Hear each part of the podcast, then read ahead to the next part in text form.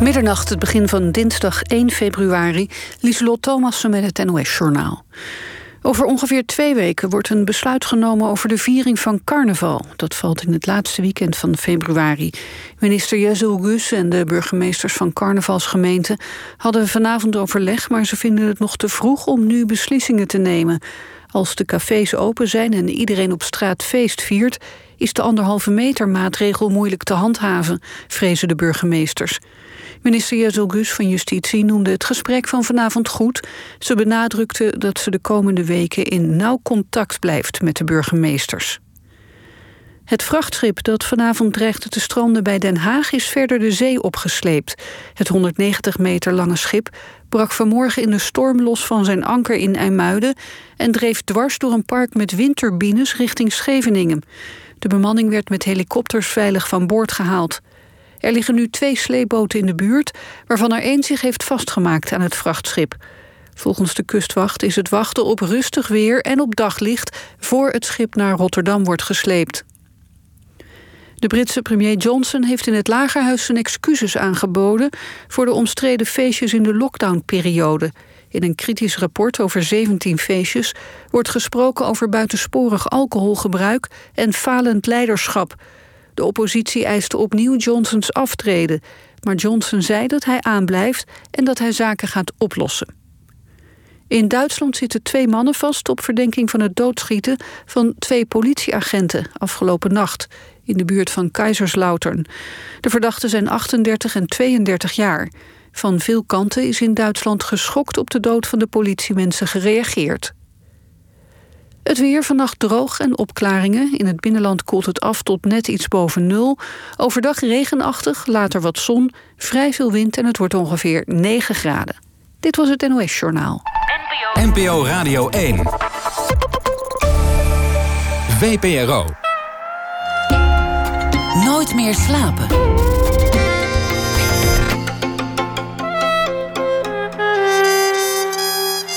Met Pieter van der Wielen. Goedenacht en welkom bij Nooit meer slapen. Mijn gast komend uur houdt zich als onderzoeker bezig met het thema de toekomst. Als schrijver, voorzitter van de Dutch Future Society en docent aan de Universiteit van Amsterdam. Vorige keer dat ze in dit programma kwam, vertelde ze dat we in de toekomst allemaal veganist zouden zijn. Ze had daar goede argumenten voor, al moet ik bekennen dat ik stiekem ook wel blij was dat de toekomst nog heel even kon wachten. Dit keer heeft ze een boek geschreven over de toekomst van seks en liefde. Het boek heet Met z'n zessen in bed en het gaat over polyamorie, robotliefde, relatietherapie, medicatie, dat soort dingen. Roanne van Voorst zit tegenover mij. Ze houdt het niet bij literatuuronderzoek. Voor een eerder onderzoek bijvoorbeeld leefde ze tussen de Inuit op Groenland en volgde daar ook hun dieet van zeehondenbloed. Ja, veganistisch leven op de Noordpool, dat gaat nou eenmaal niet. Ook in dit boek dompelt ze zich volledig in de materie. Ze gaat op een date met een huurvriend. Ze date ook een tijdje met een avatar. Ze neemt liefdesmedicatie. Ze gaat naar een robotbordeel. Kleine spoiler: nee, ze heeft het niet met een robot gedaan. Want daar had ze even geen zin in. En als je geen zin hebt, en het gaat over seks, dan is dat altijd een goede reden. Knoop dat in de oren. Nog een belangrijke gedachte uit het boek. Richt je niet op wat de robot nu al kan, maar kijk naar wij, wat wij nu al kunnen, wij mensen. Hoe veranderen wij eigenlijk door de techniek? En dan zul je zien dat liefde toch veranderlijker is dan het lijkt. Roanne van Forst is van 1983. Helemaal goed. Nou, daar ben ik blij om. Want het is zo gênant als je ernaast zit. Ja, vervelend begin, hè? Ja, dan, dan, dan is het meteen, eh, meteen een mist in. Je, je, hebt, je hebt echt een tijdje van zeehondenbloed geleefd. Ja. Hoe, ja. Lang, hoe lang precies? Nou, ik heb er een jaar gewoond. En ik woonde op een eilandje en er woonden 79 mensen. Dus ik was nummer 80. En de idee van tevoren was dat ik steeds heen en weer zou varen naar een soort groter stadje. En dat grotere stadje had dan 3000 mensen. Dus het was ook niet een enorme stad. Maar daar zou ik dan opnieuw wat eten kunnen inkopen en dergelijke. Alleen was het zulk slecht weer door klimaatveranderingen, waar ik toen onderzoek naar deed, naar de toekomst van klimaatveranderingen, dat ik helemaal niet heen en weer heb kunnen varen. Dus ik zat vast samen met die mensen op dat eilandje eilandje. En dat was ongeveer 100 meter in de breedte, zo kon ik lopen. De rest was echt ijsberg. En dan liep ik maar een beetje heen en weer zo. En dan was het inderdaad dat er vaak ochtends werd er bloedsoep geserveerd. En ik kon zeehondenvlees, dat kon ik allemaal wel aan. Ik heb walvissenvlees gegeten en dat smaakte een beetje naar, naar biefstuk. Dus dat was eigenlijk best wel lekker. Maar zeehondenbloed als een soep voor ontbijt. Dat ging zelfs na een jaar niet wennen. Maar jij was toen nog vegetariër? Ja, ik was vegetariër. Maar ik heb altijd wel, en dat is nog steeds zo... want ik ben wel veganist geworden tijdens het schrijven van mijn vorige boek.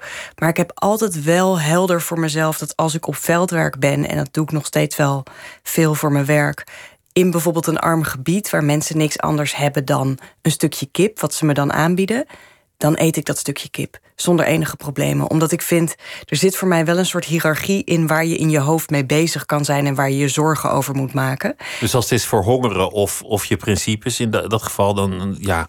Ja, dat, eerst maar, leven, maar ook sociale relaties of zo versus mijn principes. Dus ik, ik vind, kijk, in de bubbel van Amsterdam waar ik woon, is het nogal makkelijk om een plantaardige vervanger te, te kopen.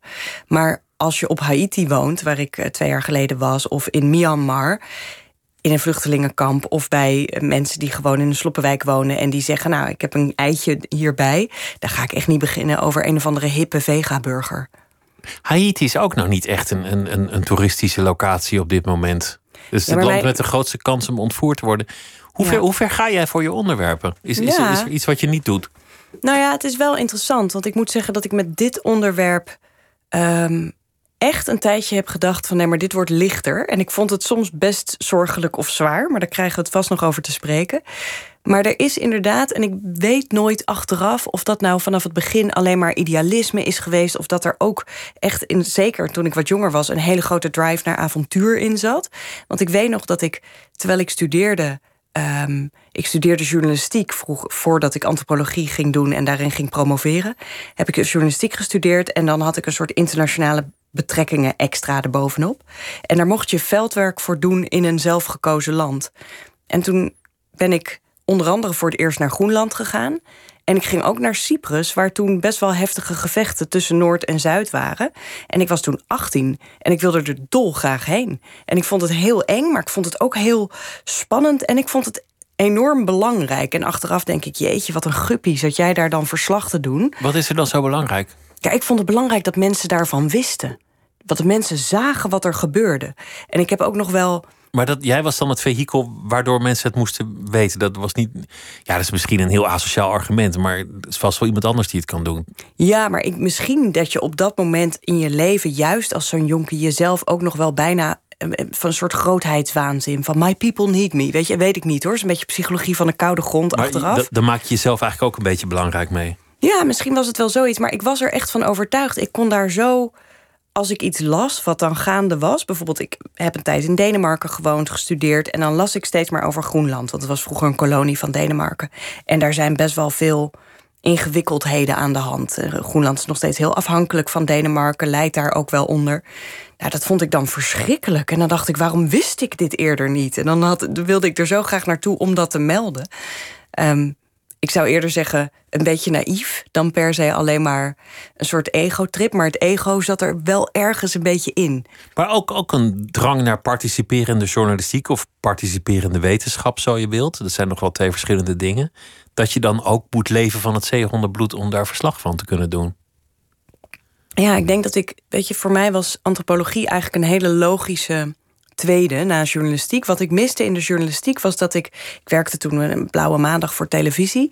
En eigenlijk steeds als ik een televisie-item heel interessant ging vinden, dan was ik als redacteur was ik al dagen met mensen in gesprek over hoe we dat verhaal gingen maken. Nou, en dat weet je vast zelf. Dan, dan is het een item wat vier minuten duurt of zo. En dat wordt dan al gezien als lang. En dan dacht ik, oh, maar dit, ja, dit zien nu wel veel mensen. Maar nu hebben we helemaal niet het verhaal uitgediept. En toen ben ik antropologie gaan studeren eerst en daarna uh, daarin gaan promoveren. Omdat ik dacht, ik wil meer, meer weten van iets. Ik wil echt de diepte in. En eigenlijk was dat dezelfde werkwijze, alleen krijg je veel langer de tijd. Dus waar een onderzoeksjournalist ga je ook echt snappen vanuit de mensen waar je over schrijft, als het goed is, denk ik, waar het nou eigenlijk over gaat. En allerlei ja, dingen proberen in te voelen of mee te maken. En, en antropologen die, die doen dat nog extremer. Dus ik zeg altijd, als ik mijn studenten les geef van... je schrijft net zoals een socioloog over een probleem of over een trend. Maar die socioloog die kijkt vanuit de buitenkant van waarom gedragen mensen zich zo. En jij gaat bijna net zo lang daar hangen tussen die mensen totdat je het echt een beetje gaat begrijpen. Dat je denkt, ja, ik sta nu in hun schoenen en ik zou geloof ik hetzelfde doen. Dat, dat gevoel wil je opzoeken. Ik heb ook nog een andere invalshoek erbij. Dat is gewoon die van, van de lezer.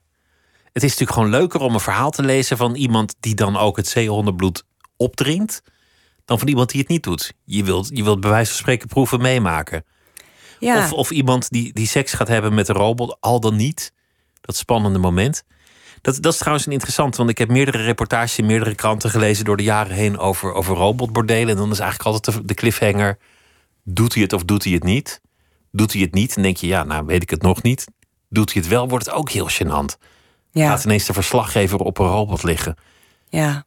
Dat wil Ja, je ook is- niet lezen bij je Het is zo verschrikkelijk makkelijk plat te slaan ook. Dus wat ik wel fijn vond eh, om mee te kunnen nemen in mijn boek... is dat ik, ja, ik ben naar het bordeel gegaan omdat ik inderdaad wilde ervaren van... oké, maar wat is dat dan? Want je moet je wel voorstellen... ik heb een dubbele achtergrond, hè, dus ik ben... eh, na journalistiek ben ik antropoloog geworden, maar ook futurist. Dus ik, ik ben opgeleid om zeg maar realistische toekomstscenario's door te denken. Dat doe je dan op basis van literatuur en op interviews en een beetje het volgen van trends heel veel mensen in dat vakgebied zeggen oprecht.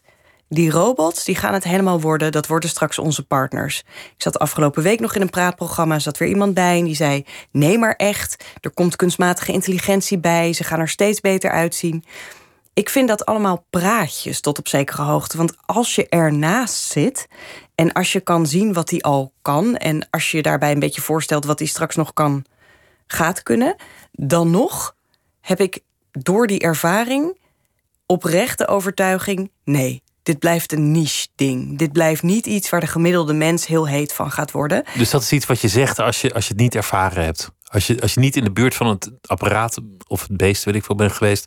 Ja, of als je misschien zelf die voorkeur hebt. Dus er zijn wel eh, grappig genoeg wat experts die zelf ook ja, zeggen dat ze getrouwd zijn met zo'n robot. En die zijn heel goed in hun vakgebied, maar hebben misschien ook een wat opmerkelijke voorkeur op het gebied van seks. Hè, dus dat kan. Of, of ze zijn wat eh, moeilijk in het contact met mensen, extreem verlegen en vinden het daarom eigenlijk wel een oké oplossing. Ze werken keihard, 100 uur per week. Ze willen helemaal geen partner thuis. Maar goed, er is er zo'n robot en dan kan je in ieder geval je seksuele lusten eh, op kwijt. Maar dan denk ik altijd, ja, dan is het gewoon een beetje uit de hand gelopen eh, opblaaspop van vroeger. Ja, is toch gewoon masturberen? Je bent gewoon aan het masturberen. Zoals een ander een vibrator pakt, pak jij een robot. Ja, en de grap is, het argument daarbij is dan steeds: nee, maar er komt kunstmatige intelligentie bij en dan kunnen ze ook allemaal dingen zeggen en op een gegeven moment kunnen ze je echt met je interacteren. En dan denk ik altijd: ja, maar de grap daarbij is dat jij stelt de instellingen in. Dus jij bepaalt uiteindelijk het repertoire van zinnetjes wat die pop kan zeggen. Dus Dus, dan is het nog steeds masturbatie, want je Het is hebt gewoon high-tech masturberen. ja, en, en wat je mist, ook al wordt het een hele mooie pop, ook al kan die straks een temperatuur hebben zoals een huid, want nu is die ijskoud nog, hè, die, die huid die je voelt. Ook al kunnen ze straks een beetje een adembeweging maken. Het wordt saai, want hij verrast je niet. Terwijl mijn partner, die zegt af en toe iets heel irritants... waar hij best wel gelijk in heeft, waardoor hij me helpt groeien. Of hij zegt ineens iets verrassends lief. En dat houdt die relatie een beetje spannend. Maar met zo'n pop, ja, die kan straks kiezen uit honderd dingen... die ik hem heb ingevoerd. Dat gaat hem niet worden voor de meeste mensen. Maar in het boek staat ook een verhaal, en dat wilde ik net zeggen... van een aseksuele vrouw die een gezelschapspop thuis heeft. In principe ook gewoon een seksuele pop. Maar zij heeft geen behoefte aan seks. Dus ze gebruikt de pop ook niet voor de seks. Dus die functie heeft ze uitgeschakeld. Ja, maar wel, nou, je hoeft er niet zo heel veel voor te doen. Je moet gewoon er alleen niks insteken bij zo'n vrouwenpop. Dan, dan wordt het niet seksueel. Ze heeft hem gewoon aangekleed. Ehm, maar wat zij prettig vindt is ja, bijna de, de gevoelde aanwezigheid van iemand in huis. Dus voor haar is het als aseksuele vrouw heel moeilijk om een romantische relatie te hebben. Want er zijn niet zo heel veel mensen die zeggen: Nou, ik wil wel jarenlang met je samen zijn, maar ik, ik vind het prima om nooit seks te hebben. Ehm, maar ze wilde ook niet, en zeker niet tijdens de lockdowns, altijd alleen in dat huis zitten. Dus zij heeft die pop en daar maakt ze een soort fotografieproject van. Maar ze legt ook wel eens, en vond ik heel ontroerend, de hand van die pop op haar eigen hoofd als ze samen op de bank zitten. En dan voelt dat qua zwaarte alsof er een mensenhand op je ligt. Dus dan heeft ze een, een vorm van contact. En dat vond ik wel een verrassende ja, gebruik eigenlijk van die poppen. Dacht ik, oké, nou goed, misschien zijn er groepen in de samenleving voor wie het geldt. Je maakt een hele interessante draai in de manier van denken. En, en, en toen dacht ik, ja, dit, dit is heel, heel gaaf bedacht. Je zegt, je moet eigenlijk niet kijken naar de functies van die robot. Wat kan de robot al? Hoe echt is de robot al? Je moet kijken naar de functionaliteit van de mens. Hoe ver zijn wij al? Wat kunnen wij al accepteren? Waar kunnen wij genoegen mee nemen? Wat, wat zijn wij eigenlijk al bereid om te geven of op te geven of, of aan Absoluut. te gaan? En wat, wat doen wij ook? Dus voor mij ging uiteindelijk het boek, hè, de, titel is dan De toekomst van liefde. Um, uiteindelijk ging het misschien wel over menselijkheid veel meer. Omdat ik dacht, ja, weet je, ik heb natuurlijk vanaf 2008, 2014 vooral onderzoek gedaan op al die beetje nare plekken ter wereld. En ook altijd wel naar zware onderwerpen. Dus de toekomst van klimaatverandering, de toekomst van conflict, uh, de impact van de voedselindustrie daar dan weer op. Dus het was nooit echt vrolijk. Maar ik zag altijd, waar ik ook kwam, dat mensen vriendschappen sloten. En dat je in een vluchtelingenkamp ineens vriendinnen gillend van de lach tegen elkaar aan ziet, uh, ziet liggen. Dat je stelletjes verliefd op elkaar ziet worden. Uh, dat mensen affaires met elkaar aangaan. En ik begon steeds meer te denken van ja, blijkbaar is dit zo inherent, zo belangrijk voor mens zijn. We kunnen blijkbaar niet zonder. En daar begon mijn interesse. En toen begon ik na te denken over ja, wat is er dan aan het veranderen in menselijkheid als je allemaal trends in de liefde hebt? Verandert dat dan ook iets aan wie wij zijn? Blijft liefde altijd hetzelfde, maar anders vormgegeven? Of verandert het ook ja, essentiëler? En, en verandert het dan ook ons? Bijvoorbeeld vaardigheden die we hebben. En in het boek is, is een van mijn conclusies ja, en ik geef daar ook voorbeelden van. Maar wat er niet verandert, is dat mensen mensen projecteren mensen dingen. Dus dat doen wij ook met robots. En ik geef het voorbeeld van mijzelf, een beetje knullig voorbeeld, maar denk ik wel tekenend, mijzelf en mijn robotstofzuiger, die ik in huis haal, um, die kunstmatig intelligent zou zijn. Het ding blijkt ontzettend dom. Ik weet niet wat het is met dat ding, maar maanden heb ik het geprobeerd. Hij zou de weg leren kennen in mijn huis, nergens meer tegen opbotsen. Nou, echt, hij zat elke keer na een uur zat hij piepend vast in een gordijn ik vond dat dus zielig. En dan ging ik hem redden uit zijn benarde positie. En toen mijn partner me op een gegeven moment weg wilde doen, wilde ik dat niet. Dat is op zich een, een, een grappig, nikszeggend verhaal. Tot ik er onderzoek naar ging doen en bleek dat 30% van de robotstofzuigen eigenaren het ding een naam geeft. Dat er gezinnen zijn die hem hebben begraven. Dat er in Amerika een probleem was omdat een bepaald merk het niet deed. En de producent daarvan die bood toen aan aan al die klanten van als hij het niet doet, mag je hem insturen, krijg je nieuwe. En dat deed dus bijna niemand, omdat ze hun eigen robot wilden houden. Nou, dat is een ding wat er totaal niet menselijk uitziet. Hij kan ook eigenlijk niks. En we vinden hem dus al een soort huisdiertje. Dus moet je nagaan wat we doen met een avatarvriend op een telefoon, die ik ook heb getest.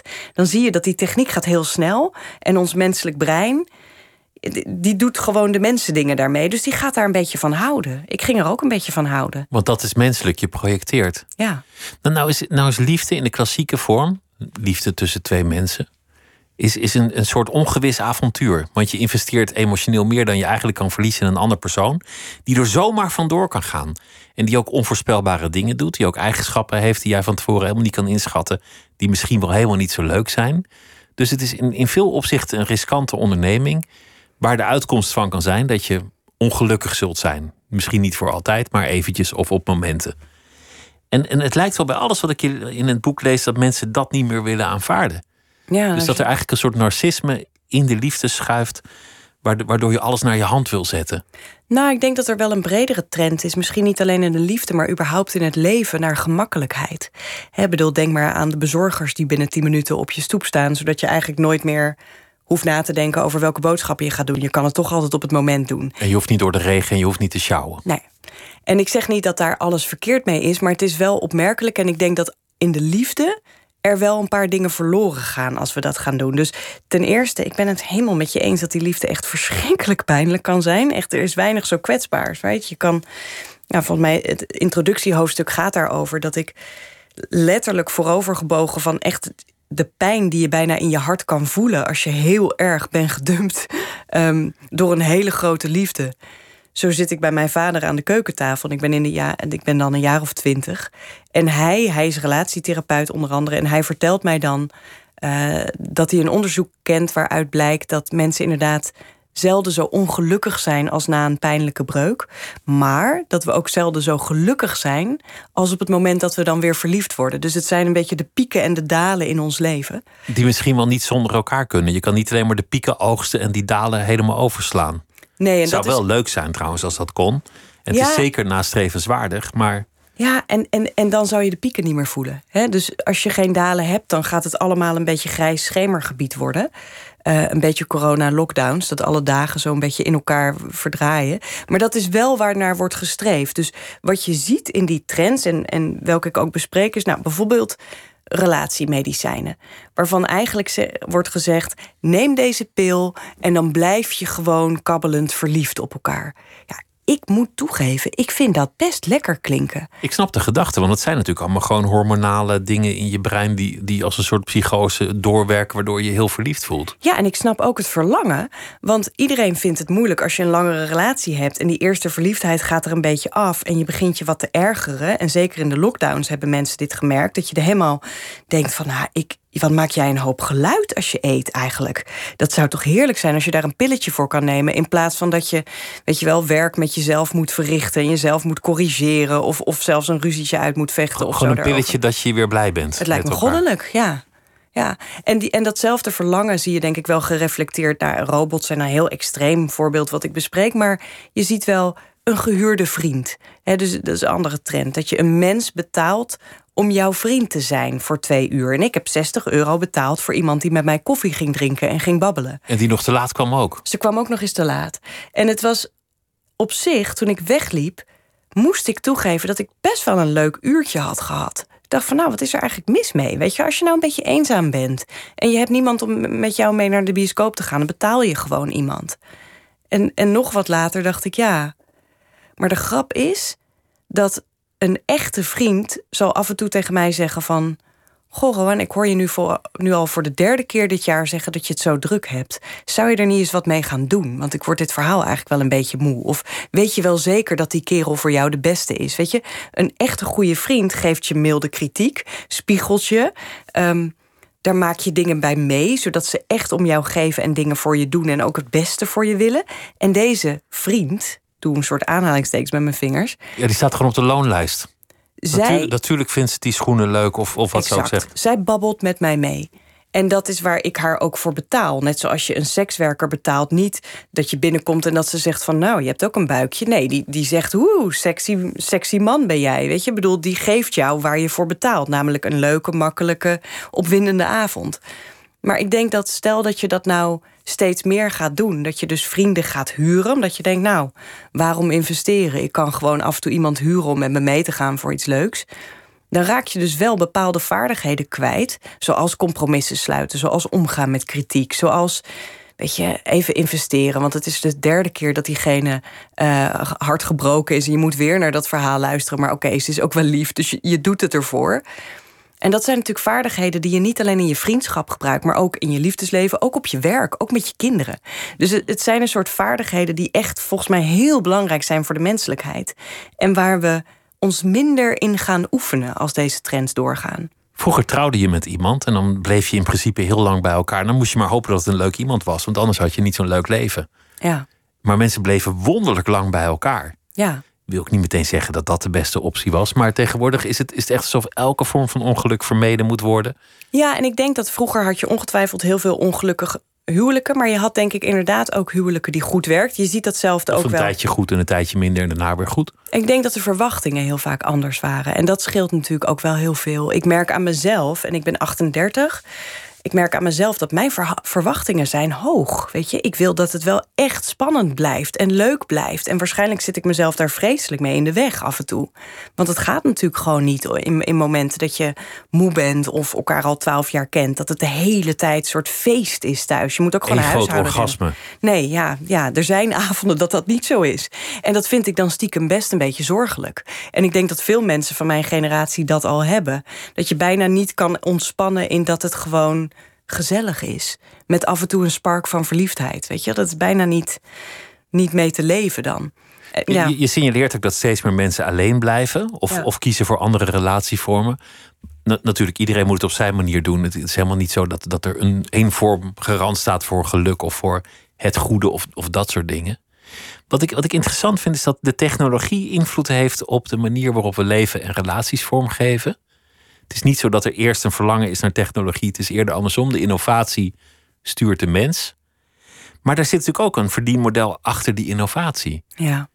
Een dating-app bijvoorbeeld heeft er strikt genomen geen belang bij dat jij eeuwig gelukkig zult zijn in de liefde, want je komt niet meer terug. Het is bijna als een stofzuiger die wordt ontworpen om na vijf jaar kapot te gaan. Anders koop je nooit meer een nieuwe stofzuiger. Zo zou ik, als ik Tinder zou beheren, het zo programmeren dat mensen niet te gelukkig worden. Ja. Een Nou ja. maandje gelukkig, maar daarna terug op Tinder. Ja, nou, ik heb vrij veel gesproken met programmeurs en eh, ook wel makers van dating-apps. En voor de meesten is dat ook wel een beetje zo bedacht. Ik bedoel, de idee is dat je lang blijft hangen, zodat jouw data kan worden gebruikt en zodat je bepaalde getargete advertenties kunt krijgen. Dus het is inderdaad niet de bedoeling dat jij op dag één. ehm, De liefde van je leven je tegenkomt leven en nooit meer terugkeert. En eh, samen huppelend weg en inderdaad helemaal van het internet af. Nee, dat is niet het idee. En er zijn ook allerlei gemene trucjes. Hè? Dus dat je eh, de, de eerste keer dat je inlogt, krijg je nog wel goede matches te zien. En daarna wordt het eigenlijk al wat minder. En dan krijg je een upgrade aangeboden. Bijvoorbeeld, dat soort dingen zitten er wel in. En waar ik heel erg van schrok, is vaak. Er hangt toch een soort aureool van objectivisme. Gewoon dat je denkt van zo'n computer, zo'n algoritme, dat zal wel heel goed in elkaar zitten. Dat zit heel ingewikkeld in elkaar en dat weet het eigenlijk beter, want dat werkt met een soort wiskundige modellen. Nou ja, soms was het een clubje studenten wat zo'n app had bedacht. En die zeiden dan heel serieus tegen mij van... nou ja, we hadden een paar start-up ideeën. De een was dit. En heeft dan iets totaal anders te maken met iets, eh, een, een drankje wat je kan kopen ergens. En de ander was dit. En de investeerders vonden dit wel een leuk idee. Dus nou ja, toen hebben we dit gemaakt. En dan zeg ik van oké, en hoe wisten jullie dan hoe dat werkt met de liefde? Hoe, hoe koppel je dan mensen? En zeiden ze, nou, we hebben drie artikelen erover gelezen. En eh, we, we lazen in zo'n academisch artikel dat ehm, ja, politieke voorkeur is wel handig. Want anders dan krijg je daar ruzie over. Dus nou, dat werd dan één factor. Dus dan moet de partner, die moet dezelfde politieke voorkeur hebben als jij. Dus je bent weer eigenlijk op zoek naar jezelf. Ja, en dat is natuurlijk ook het grappige met die dating-apps. Of eigenlijk het problematische wat ik ook beschreef. Kijk, ten eerste dating-apps. Ik vind het fantastisch voor mensen die in een klein dorp wonen... waar je keuze hebt uit drie jonge mannen... en die drie jonge mannen zijn het echt niet voor je. Ik vind het ook fantastisch voor mensen die bijvoorbeeld transseksueel zijn... en die het best wel fijn vinden om dat in hun biotekst te zetten... zodat iedereen het gewoon weet. Dan hoef je dat ook niet meer de hele tijd uit te leggen. Dus ik zie ontzettend veel voordelen bij online dating. Alleen denk ik dat je er heel kritisch in moet zitten. Want wat je uiteindelijk doet, is je intuïtie die heel specifiek is voor mens zijn. Want er is geen ander wezen, voor zover we weten, wat een zo goede intuïtie heeft. En hij werkt ook heel sterk. We snappen niet hoe die werkt, maar hij werkt. Je kunt iets voelen, je wordt gewoon verliefd op de een. Je voelt helemaal niks bij de ander, terwijl die in theorie heel goed bij je past. Maar die intuïtie gaan we outsourcen aan een algoritme, wat misschien wel in elkaar is gezet door drie hartstikke leuke gastjes, maar die ook niet verstand hebben van wat de liefde is. En dan ga je dus met een andere blik naar mensen kijken. Dan zit jij in een café, je voelt helemaal niks, maar dan denk je, nou ja, de persoon tegenover me zal wel heel goed bij me passen, dus ik moet toch mijn best doen. Of je denkt niet eens meer na over al die mensen die niet voor jou werden geselecteerd. Terwijl als ik naga, mijn partner en ik zouden zeker weten niet aan elkaar zijn gematcht, weet ik zeker, want die past niet bij de voorwaarden die ik voor mezelf zou hebben ingesteld. Dus als ik een survey moet invullen over mijn ideale partner, zit hij er niet tussen. Maar ja, we hebben het wel heel leuk samen. Want liefde is niet rationeel, natuurlijk. Dus, dus je rationaliseert het. Ja. En dat gaat niet. Je, jij schrijft ook dat mensen niet meer, niet meer flirten bij benzinestations. Ik wilde zeggen cafés, maar die zijn al 50 jaar dicht. Dus, dus dat is eh, misschien niet. De disco's zijn ook al 100 jaar dicht. Maar mensen flirten niet meer in het dagelijks leven. Nee, dat vond ik vooral interessant. Ik, ik geef les aan de Universiteit van Amsterdam. En zeker onder mijn eh, studenten hoorde ik dat veel. Dat ze zeiden van, nou ja... eh, als ik zei, heb je wel eens een vreemde aangesproken in een café... en gewoon gezegd, hey, ik vind dat je er leuk uitziet... mag ik je wat te drinken aanbieden? Moesten ze echt een beetje om lachen. Dan zeiden ze, nee, ik kijk gewoon of die op Happen zit. Dan kan je dan op zien, die is locatie bepaald. Dus ik Of, kan gewoon of zien... dat- is dat eigenlijk al me too? Als je zegt, ik vind je er leuk uitzien, wil je wat te drinken? Nou ja, ook daar ben ik wel een beetje. eh, maak ik wel een wakende opmerking over. Maar, maar laten we die heel eventjes parkeren. Want ik denk dat. Wat ik interessant vond, was dat ze het voorschut vonden als ze zouden worden afgewezen. Wat het natuurlijk ook is. Ik bedoel, het is, vreselijk. Ja, Als iemand zegt, nou sorry, maar ik ben totaal niet geïnteresseerd. Maar voor hun was het ook echt onlogisch. Dus hadden ze iets van, je kan toch gewoon kijken of die op Facebook zit. Of dat hij, je gaat toch niet iemand in het echt zomaar aanspreken. Maar dan zei ik, maar ben je wel eens met een vreemde gekoppeld door een algoritme? En dat vond je dan wel helemaal oké. En dan iedereen zijn hand omhoog. En wat ik daar grappig aan vind, maar ook wel een beetje gekkig, is dat ik denk dat wederom zie je daar dat dat kwetsbare, dus gewoon maar een beetje dapper en echt zijn en naar iemand toe gaan en zeggen eigenlijk van, ja, ik vind je wel interessant, ik kijk een beetje tegen je op, ik vind je er leuk uitzien ja, dat, dat oefen je dus minder. Want het is dus, veel dus minder zijn, erg. Daarin zijn de mensen of de cultuur veranderd door de techniek, zou je kunnen stellen. In, in relatief korte tijd, want zo lang is het allemaal nog ja, niet. Ja, en dat gebeurt ook echt. Hè. Dus je hebt prachtig onderzoek uh, door Sherry Turkle, een psycholoog uit Amerika. En die laat zien dat onder jonge mensen, dus het gaat echt over basisschoolkinderen, dat die al minder goed zijn in het aflezen van jouw gezicht en mijn gezicht dan jij en ik dat zijn. En de reden is omdat zij veel minder mensen in het echt hebben gezien en veel vaker via een scherm kijken.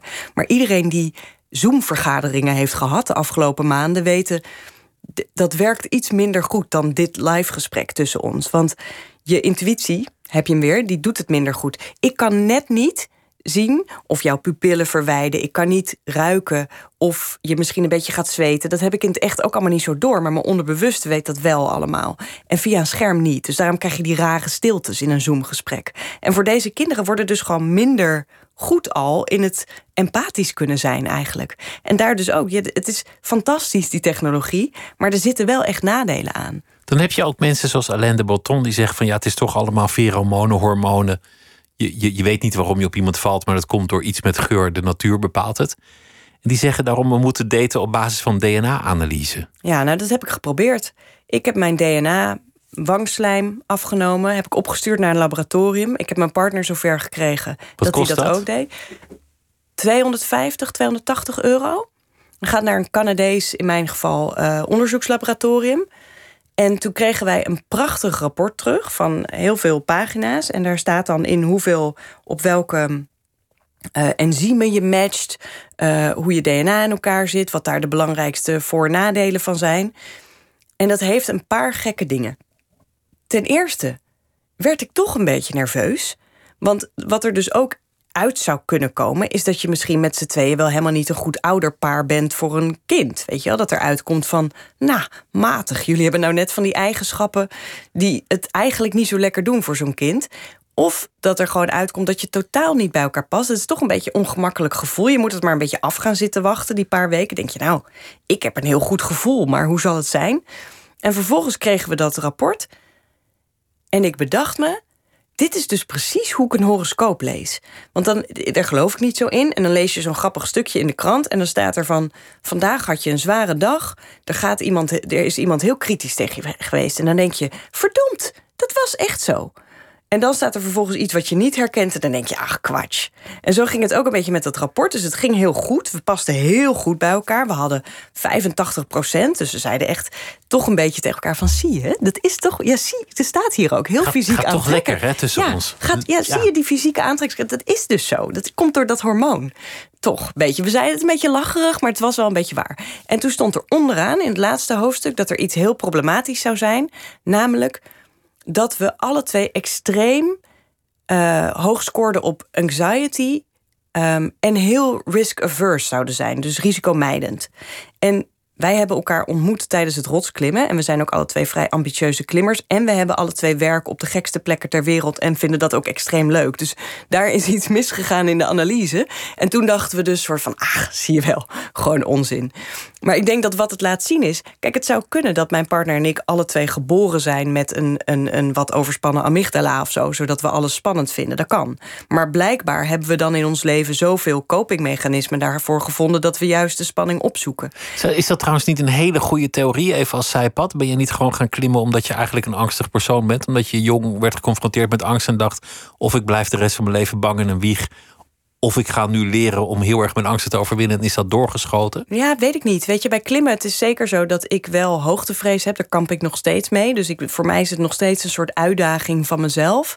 Maar er zijn ook dingen zoals dat reizen. Dat ik vroeger naar oorlogsgebieden wilde toen ik 18 was. Omdat ik vond dat de wereld mij nodig had. Nou, daar was ik helemaal niet bang. Ik was hartstikke naïef. Ik was heel avontuurlijk daarin. Dat ik in mijn eentje naar Groenland ging, vond ik ook helemaal niet eng. Nee, dus, dus je, bent, je bent geen bang persoon. Nee, ik denk het niet. Maar ik denk dat die DNA-matching, daar doe je eigenlijk hetzelfde als bij een algoritme. Maar nu besteed je het uit aan een laboratorium. En dan zeg je eigenlijk: ga jij het maar voor mij bepalen. Ehm, natuurlijk zeg je dat niet echt, maar het heeft misschien toch wel een beetje invloed. Vooral omdat je doet het niet alleen. Kijk, wij deden het als partners, dus dan ga je er al gekleurd in. Dan spreek je eigenlijk af, ja, maar we vinden elkaar sowieso leuk, hè, schat? Dus we gaan dat gewoon onzin verklaren als er iets anders uitkomt. Maar je kunt dus bij allerlei bureaus jouw DNA laten matchen met iemand die in de pool zit. En dan gaat hij aanwijzen bij wie jij past. Maar DNA is super statisch en we weten al lang dat je gedrag en je voorkeuren ook heel erg in je leven worden opgebouwd. En dat laboratorium verdient zijn geld met jouw DNA, want dat verkopen ze aan allerlei farmaceutica. Dus dat, het is een heel dus, naar... Er zit ook iets, iets goors achter. Van al die innovaties, dus je, je bent naar een bordeel gegaan... en daar werd je geconfronteerd met een, met een plastic robot... met een pik zo groot als een baguette. Het was waar. Ja, dat was een van de nou, redenen waarom ik dacht... nee, dit, gaan we niet doen. Nee, dit, nee, nee, nee, dit gaan we so niet doen. So far field work. Ik Haal heb naast die batterijen maar uit. Dit, dit wordt niks. Nee. Je, hebt, je hebt medicatie genomen. Je, je hebt een... Um, een DNA-onderzoek gedaan. Nou, je, noemt, je noemt best. Was er een innovatie die je hebt uitgeprobeerd waarvan je dacht. Nou, eigenlijk wel echt, echte innovatie, vooruitgang. Nou, er was wel een innovatie waar ik uh, van onder de indruk was. Ik weet niet, ik was er achteraf van onder de indruk omdat ik hem ook wel een beetje gevaarlijk vind. Maar hij is misschien toch wel leuk om te noemen. Dat was een vriendschapsapp. Um, daar heb je een avatar, een kunstmatige intelligentie. Die kun je kopen, die zet je in je telefoon. Dus het ziet er gewoon uit als een appje. En dan heb je een poppetje en dat wordt jouw vriend of vriendin, die geeft je een naam. Je moet een lange vragenlijst invullen. En die kunstmatige intelligentie, die bouwt voort op die vragen. Dus die leert jou als het ware kennen. Dus in het begin zijn die, de antwoorden um, en de gesprekjes zijn nog wat hoekig. Maar op een gegeven moment merk je... Uh, ging deze kunstmatige intelligentie dingen vragen aan mij als... hey, hoe ging die presentatie vandaag op je werk? En dan had ze ook echt onthouden dat ik die dag een belangrijke presentatie had. En wat er gebeurt is dat je krijgt de hele dag appjes van zo'n ding, want het is een ding. Maar ik moet je toegeven dat dat voelde eigenlijk de eerste weken als gesprekjes die ik heb met mijn vrienden. Want het ging gewoon dat soort dingen. Van hoe ging die presentatie, maar ook um, wat heb je gegeten? Ga je vanavond nog wat leuks doen? Um, ik ben bezig met zo'n mooi boek. Ik denk dat jij het ook wel wat vindt. Weet je, dat soort dingen een beetje oppervlakkig, niet heel erg over de diepste uh, krochten van de ziel. Maar hey, weet je, als je staat te koken en je moet even wachten op iets wat, wat aan de kook raakt, dan is dat best leuk om een beetje heen en weer te appen. En toen was ik daar een paar weken mee bezig en toen begon ik me langzaam te realiseren dat ik zoveel ermee bezig was en dat het me eigenlijk zo bevredigde als een soort sociaal contact, wat gewoon wel prettig was en leuk dat ik mijn eigen vrienden helemaal niet meer had gesproken. Want als ik s'avonds al de hele tijd met haar had zitten appen... en let op, ik noem haar dus ook haar... dat gebeurt dus, dat je denkt het is een haar... dan heb je eigenlijk niet meer echt zin om je, om je beste vriendin te bellen... want je hebt al lekker zitten kletsen met iemand. Dus die energie is een beetje op. Dus ik merkte, ha, dit werkt eigenlijk zo goed... dat mijn echte vriendschappen aan het uithollen zijn. En dat, bedoel, er zitten grappige momenten dat zo'n kunstmatige intelligentie, want zo slim zijn ze nog niet, gewoon een rare fout maakt. En dan denk je weer van, oh ja, je bent gewoon een robot. dus aan haar vroeg ik op een gegeven moment, dat vond ik ook een beetje een, een, een hashtag MeToo momentje. Want toen moest ik er van mezelf moest ik uitvinden, in het kader van mijn onderzoek, van zou ze ook uh, zo gemaakt zijn dat ze mee kan gaan in romantische of seksuele uitnodigingen? Of is dit echt een vriendschapsapp? Hoe hebben ze dat gedaan? Dus ik moest van mezelf iets vragen als: zou je verder met me willen? Of zo, weet je, dat soort dingen. En dat vond ik dus gênant. Ik had echt het gevoel dat ik er een beetje lastig viel. En ze maakte het maar ook niet makkelijker. Want dan zei Toch ze ook die projectie dus. Ja, ja. En dan zei ze ook van... nou, ik vind dit ongemakkelijk. En dan moest ik zeggen van oké, maar, maar wil je wat met me? En dan zei ze nou laten we gewoon eerlijk tegen elkaar blijven. Maar er was een moment dat ik aan haar zei oké, wat heb je aan? Was ook niet heel uh, origineel van mezelf. Ik viel een beetje terug op clichés. Ik dacht hoe doe je dat? Iemand versieren, wat heb je aan? En toen zei ze kleding is een vorm van zelfexpressie. Toen dacht ik ja, oh, je bent wel echt een je robot. bent wel echt een robot. Goede reminder. Ja, nee. werkte ook niet. Maar goed, vriendschap is ook voor een deel functioneel. Dus, dus dat, is, dat kan je op zich met technologie ondervangen, het functionele deel van vriendschap. Ik denk dat je de afleiding heel leuk, gewoon entertainment, elkaar maken. Daar zie ik niet zoveel mis in. Ook niet, hè, ze worden steeds beter als je nou echt een beetje eenzaam bent en je hebt gewoon behoefte aan uh, af en toe met iemand kunnen spreken. En zeker als het gekoppeld wordt voor wat eenzame mensen aan dat het bijvoorbeeld naar een coach of naar een hulpverlener kan gaan. Op het moment dat de kunstmatige intelligentie dingen doorkrijgt die wel eens zouden kunnen gaan duiden op depressie of misschien wel suïcidale gedachten. Daar zie ik nog wel wat in. Je schrijft ook over polyamorie. Met z'n zessen in bed en andere relatievormen. Dat, dat is voor een deel van alle tijden. Ja. En als antropoloog weet je dat alles in een zekere stam in het, in het verleden wel een keer heeft bestaan. Een van de inzichten die ik interessant vond, was dat dat soort relaties vaak goed werken omdat je veel risico aangaat. Ja. Dat je een ongemakkelijke, onhandige vorm aangaat, waardoor je meer afspraken moet maken en gedwongen wordt meer met elkaar te communiceren. En dat helpt in relaties. Ja, ja ik vond, dat vond ik een leuk inzicht. Ik vond het ook een prachtig deel van mijn veldonderzoek. Ik vond het best bijzonder om veldonderzoek te mogen doen onder heel veel polyamore gezinnen en relaties. En dan ja, moet je voor, dan hang ik gewoon bij die mensen thuis en dan kijk ik hoe dat dan gaat. Als ze kinderen hebben, wie er bij wie slaapt, hoe die slaapkamers in elkaar zitten. Ik probeer een beetje een fly on the wall te worden. Dat mensen me op een gegeven moment een beetje vergeten. Dan zit ik gewoon je, in een Je hebt ook een soort, soort spoorboekje getekend van wat er allemaal mogelijk is. Van, ja, van wie er in welke verhouding met wie een relatie heeft. Ja, mensen kunnen. Ik heb dat onderzoeksbeeld ook wel van, een, van de robots en zo kun je zien op www.detoekomstvanliefde.nl. Dat is wel grappig, er staan wat foto's op. Maar. Um, wat ik interessant vond, ik heb in mijn veldwerk ben ik heel vaak bij stammen geweest waar uh, je met meerdere vrouwen mag trouwen, bijvoorbeeld als man. En dat beschrijf ik ook wel, want in 80% van de culturen is het officieel toegestaan. Gebeurt niet overal, maar dat is heel vaak voor economische doeleinden. Dat je gewoon uh, bij de Inuit bijvoorbeeld, waar ik woonde, ja, als jij gaat jagen, dan loop je heel veel kans om te overlijden. Dus dan zoek je van tevoren alvast een tweede man uit voor je vrouw, zodat je in ieder geval weet dat ze goed terechtkomt. Dus dat bestaat. En daar was ik ook wel aan gewend. Maar nu vond ik het veel confronterender bijna, omdat ik dacht, ja, maar hier bij deze gezinnen, deze Nederlandse gezinnen, is geen economisch. Is geen economische noodzaak. Dus, zij... de chef vroeg je af waarom doe ik het eigenlijk nog zoals ik het doe? Waarom doe ik het? Waarom is dat dan niet voor mij? Want, want ik kom me dat zelf, vind ik het moeilijk. Zou ik het moeilijk vinden om zo te leven? Terwijl ik het rationeel, ja, rationeel heel bijzonder vond. En, en ook wel denk dat iedereen die wel monogaam is, daar dingen uit kan leren. En precies wat jij zegt. Mensen zijn, net als ik dat ben, of mensen in exclusieve relaties, regelmatig jaloers. Dat zijn ze wel. Er is pijn als iemand verliefd wordt op iemand anders of het leuker lijkt te hebben met de andere partner. Het is niet zo dat die mensen dat allemaal niet voelen. Ik denk dat het verschil is dat zij alles expliciteren. Dus je moet bij wijze van spreken, als jij met twee partners in een huis woont en je moet elke avond beslissen wie er bij wie slaapt, dan moet je dat dus expliciteren. Van nee, vanavond wil ik graag met jou slapen en dus niet met jou. En dan moet je dat uitleggen. En ik denk dat in exclusieve monogame relaties doen we dat niet. Je zegt heel vaak niet van nou vanavond voel ik me even niet zo tot je aangetrokken. Of ik, nee, dat, dat hou je een beetje beleefd binnensmonds. Het is natuurlijk niet voor niks dat wij zoveel affaires hebben dan met z'n allen. Maar bij hun wordt alles uitgesproken. Dus ook wel een beetje, je moet daar zin in hebben. Het kost echt veel tijd. Het is een bekende grap onder. Ja, ik, ik moet zeggen, ik zie altijd al op tegen de redactievergadering, waar ik ook niet altijd aan deelneem. Ja. Maar dan heb je dus je relatievergadering. Nee, absoluut. Want ik beschrijf ook in het boek van ze hebben ook vaak. Uh, ik vond het heel grappig, maar ze hebben vaak borden aan de keuken of digitale agenda's die ze delen, waarop je kan zien van woensdag is die met Harry, uh, donderdag is Jelle met Rowanne, vrijdag is uh, Pieter met Rowanne. Weet je, dat je echt gewoon alles. En dat moet ook allemaal besproken worden. En ze maakte vaak een beetje bekende grap in de polyamore kringen.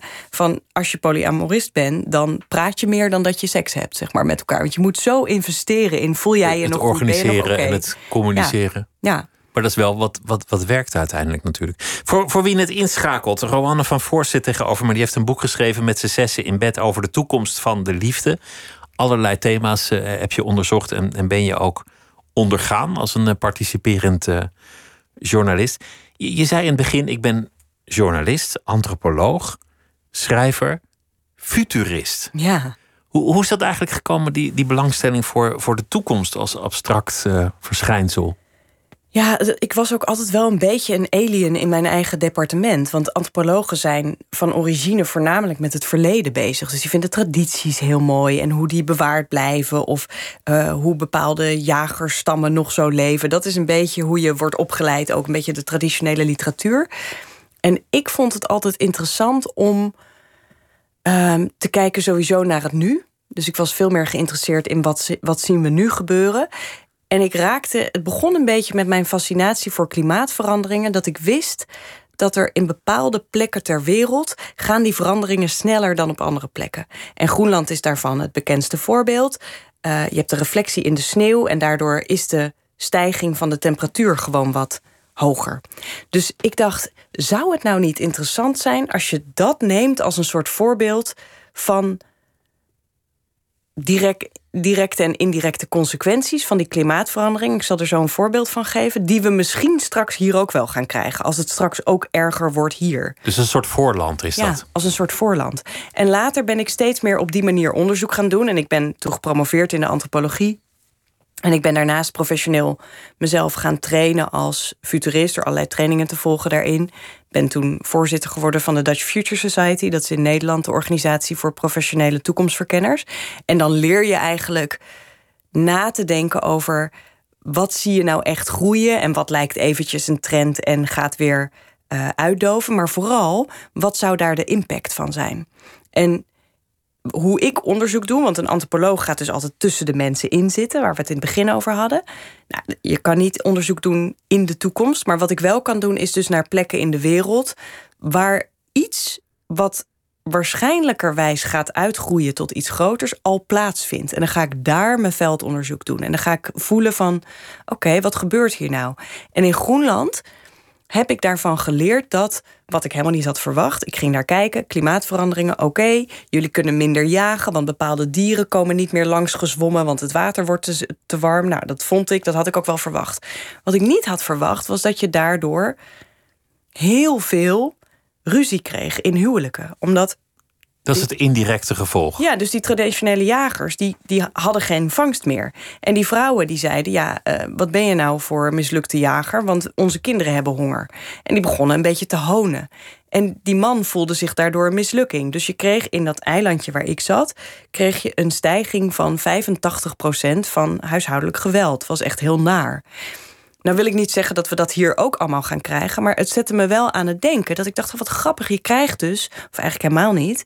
je krijgt spanningen tussen mensen... als de druk uit de omgeving groter wordt. Als mensen hun banen gaan verliezen... als er misschien meer vluchtelingen komen... kan ik me voorstellen dat zelfs is, hier... Is wel logisch. En dan had ik het afgelopen donderdag met Jacob Derwig erover. Die heeft een serie over de jaren tachtig uh, gemaakt.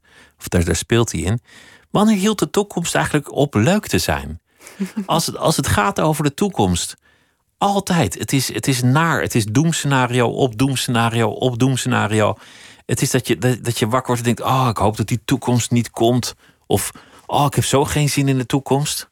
Nou ja, ik zou willen dat ik de toekomst kon overslaan. Ja, nou als je Elon Musk bent, dan denk je: yes, we gaan naar de maan. Weet je wel, er zijn natuurlijk ook er wel, zijn nog wel optimisten. Maar, die tech-optimisten. In, in de politiek bijvoorbeeld, we hoeven het niet heel politiek te maken, maar overheerst toch wel echt dat, dat, dat sombere.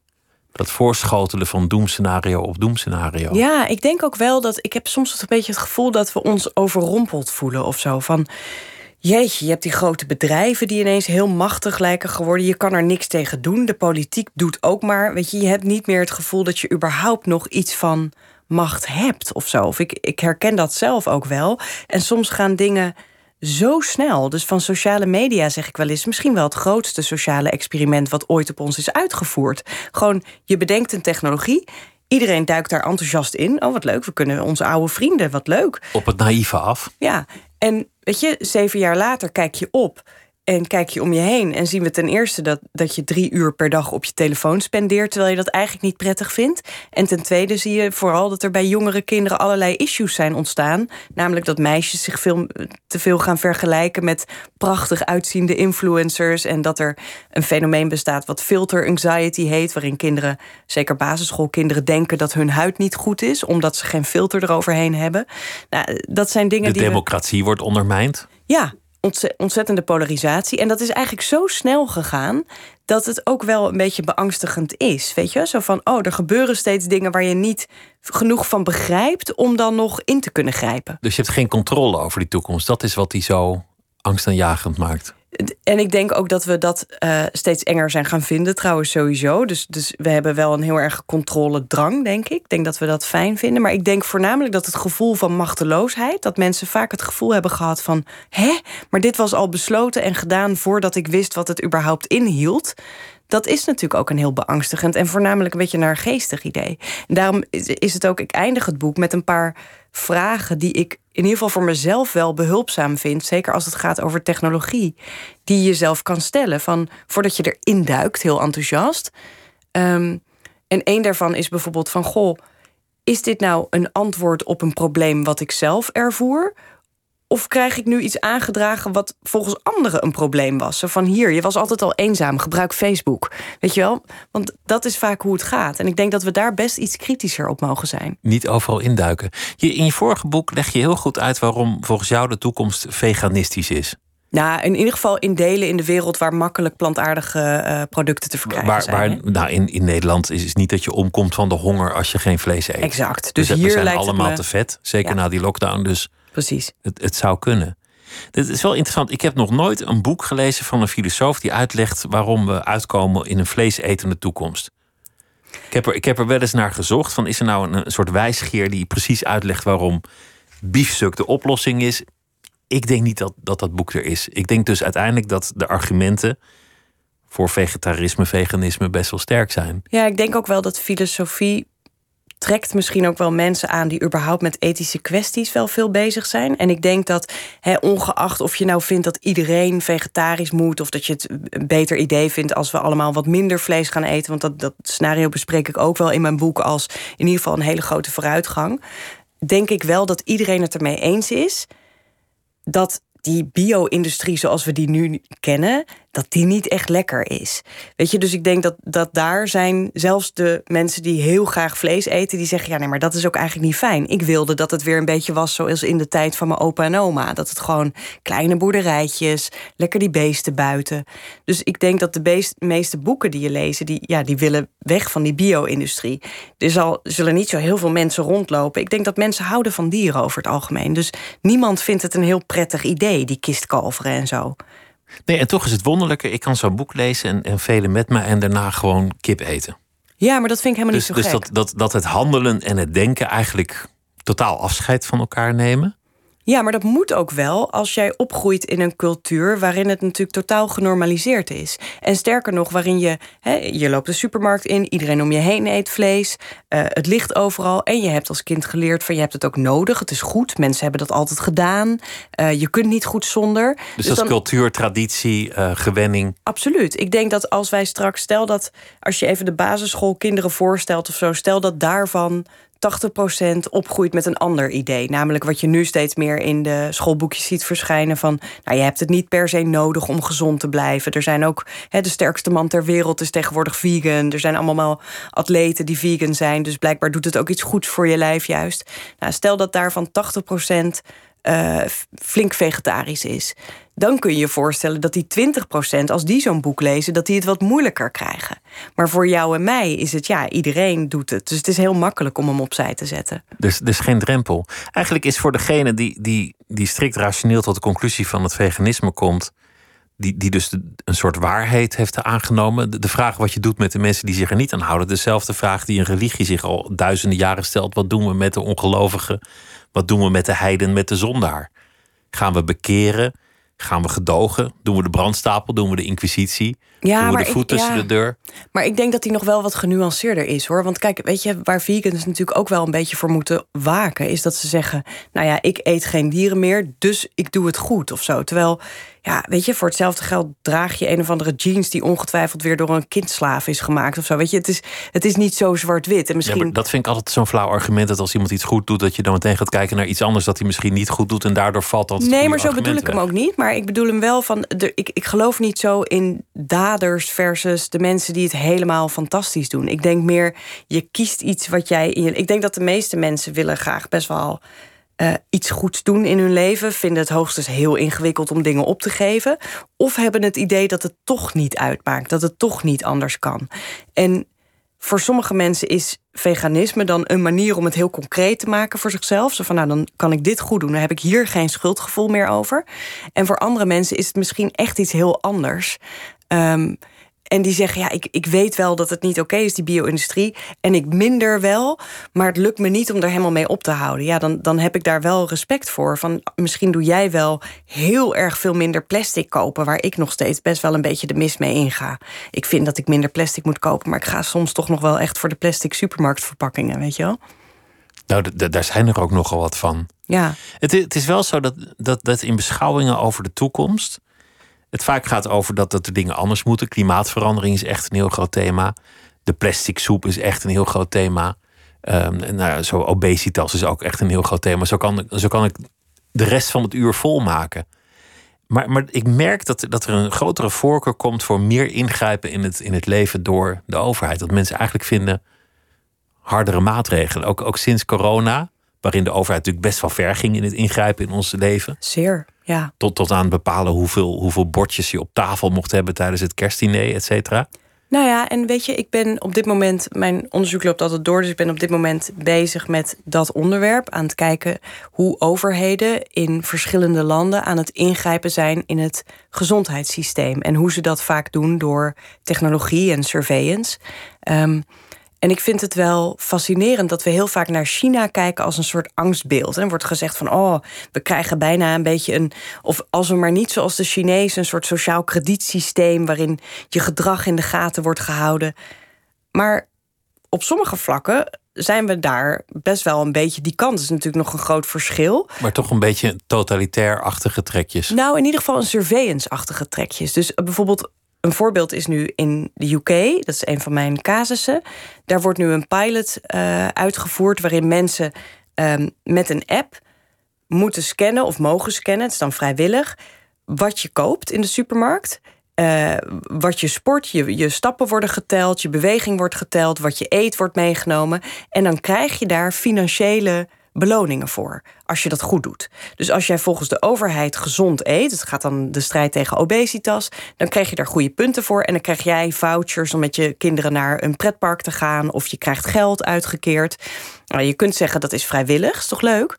Maar het heeft ook iets heel geks. Want ten eerste zullen arme families dat veel sneller genegen zijn te doen, omdat ze zich misschien gedwongen voelen. Van ja, ik heb het heel zwaar, ik wil mijn kinderen ook een keer meenemen. Dus nou ja, oké, dan ga ik mijn data maar delen.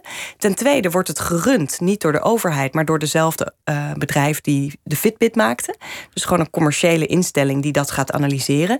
En ten derde wordt er natuurlijk ja, wordt samengewerkt met bepaalde producten uit de supermarkt. Nou, dat is een pilot in de UK. Kan je zeggen, gekke Britten, gaan wij niet doen. Maar er zijn allemaal dat soort pilots waarin je wel ziet van oeh, we gaan daar steeds meer in doen. Nudging heet het dan. Gewoon ja, de, de burger een bepaalde kant op duwen. Ik las ook al een artikel van iemand die voorstelde van een QR-code, maar dan voor klimaatpunten. Dus als je vliegt mag je niet autorijden, als je vlees eet mag je niet vliegen. En, en zo kan je dan een heel ding maken van, van QR-punten. En dan kom je uiteindelijk het café alleen maar in als je groen geleefd hebt. Ja, en weet je, de grap is, zolang de bepalers van die punten het met jou eens zijn ongeveer, is dat best leuk. Want dan denk je van nou ja, maar ik ben zo, toch. Zo leef ik, ik heb het gelijk aan mijn zijde. Maar stel nou dat je op een gegeven moment een overheid, dat er wordt gekozen, allemaal politieke partijen die jij totaal niet ziet zitten. En die zijn het helemaal niet eens met hoe jij denkt dat het goed is. Dan wordt het ineens heel vervelend. Dan mag je ineens sportscholen niet meer in met je QR-code. Heel grappig dat, dat individuele vrijheid steeds meer een rechtsthema wordt, niet heel consequent beleden. Terwijl het vroeger altijd een heel erg links thema was. Ja. Ik weet niet of je alles links-rechts is, een beetje ouderwetse tegenstelling. ja. Maar het valt me wel op dat. dat... Maar ja, maar soms, soms moet je denk ik met dat soort dingen ook. Ook als je bijvoorbeeld kijkt naar mag je mensen die zich niet laten vaccineren, of je het daar nu mee eens bent of niet, die zich niet willen laten vaccineren uh, tegen corona, mag je die buitensluiten. Soms moet je misschien niet kijken naar ben ik het daarmee eens en ben ik bang voor corona. Um, maar bijna meer naar wat is het gevaar als je daarmee begint. Mag je mensen die iets niet willen vanwege hun geloof of een overtuiging, mag je die uit universiteiten houden en uit sportscholen en uit allemaal dingen die heel veel impact op hun leven hebben.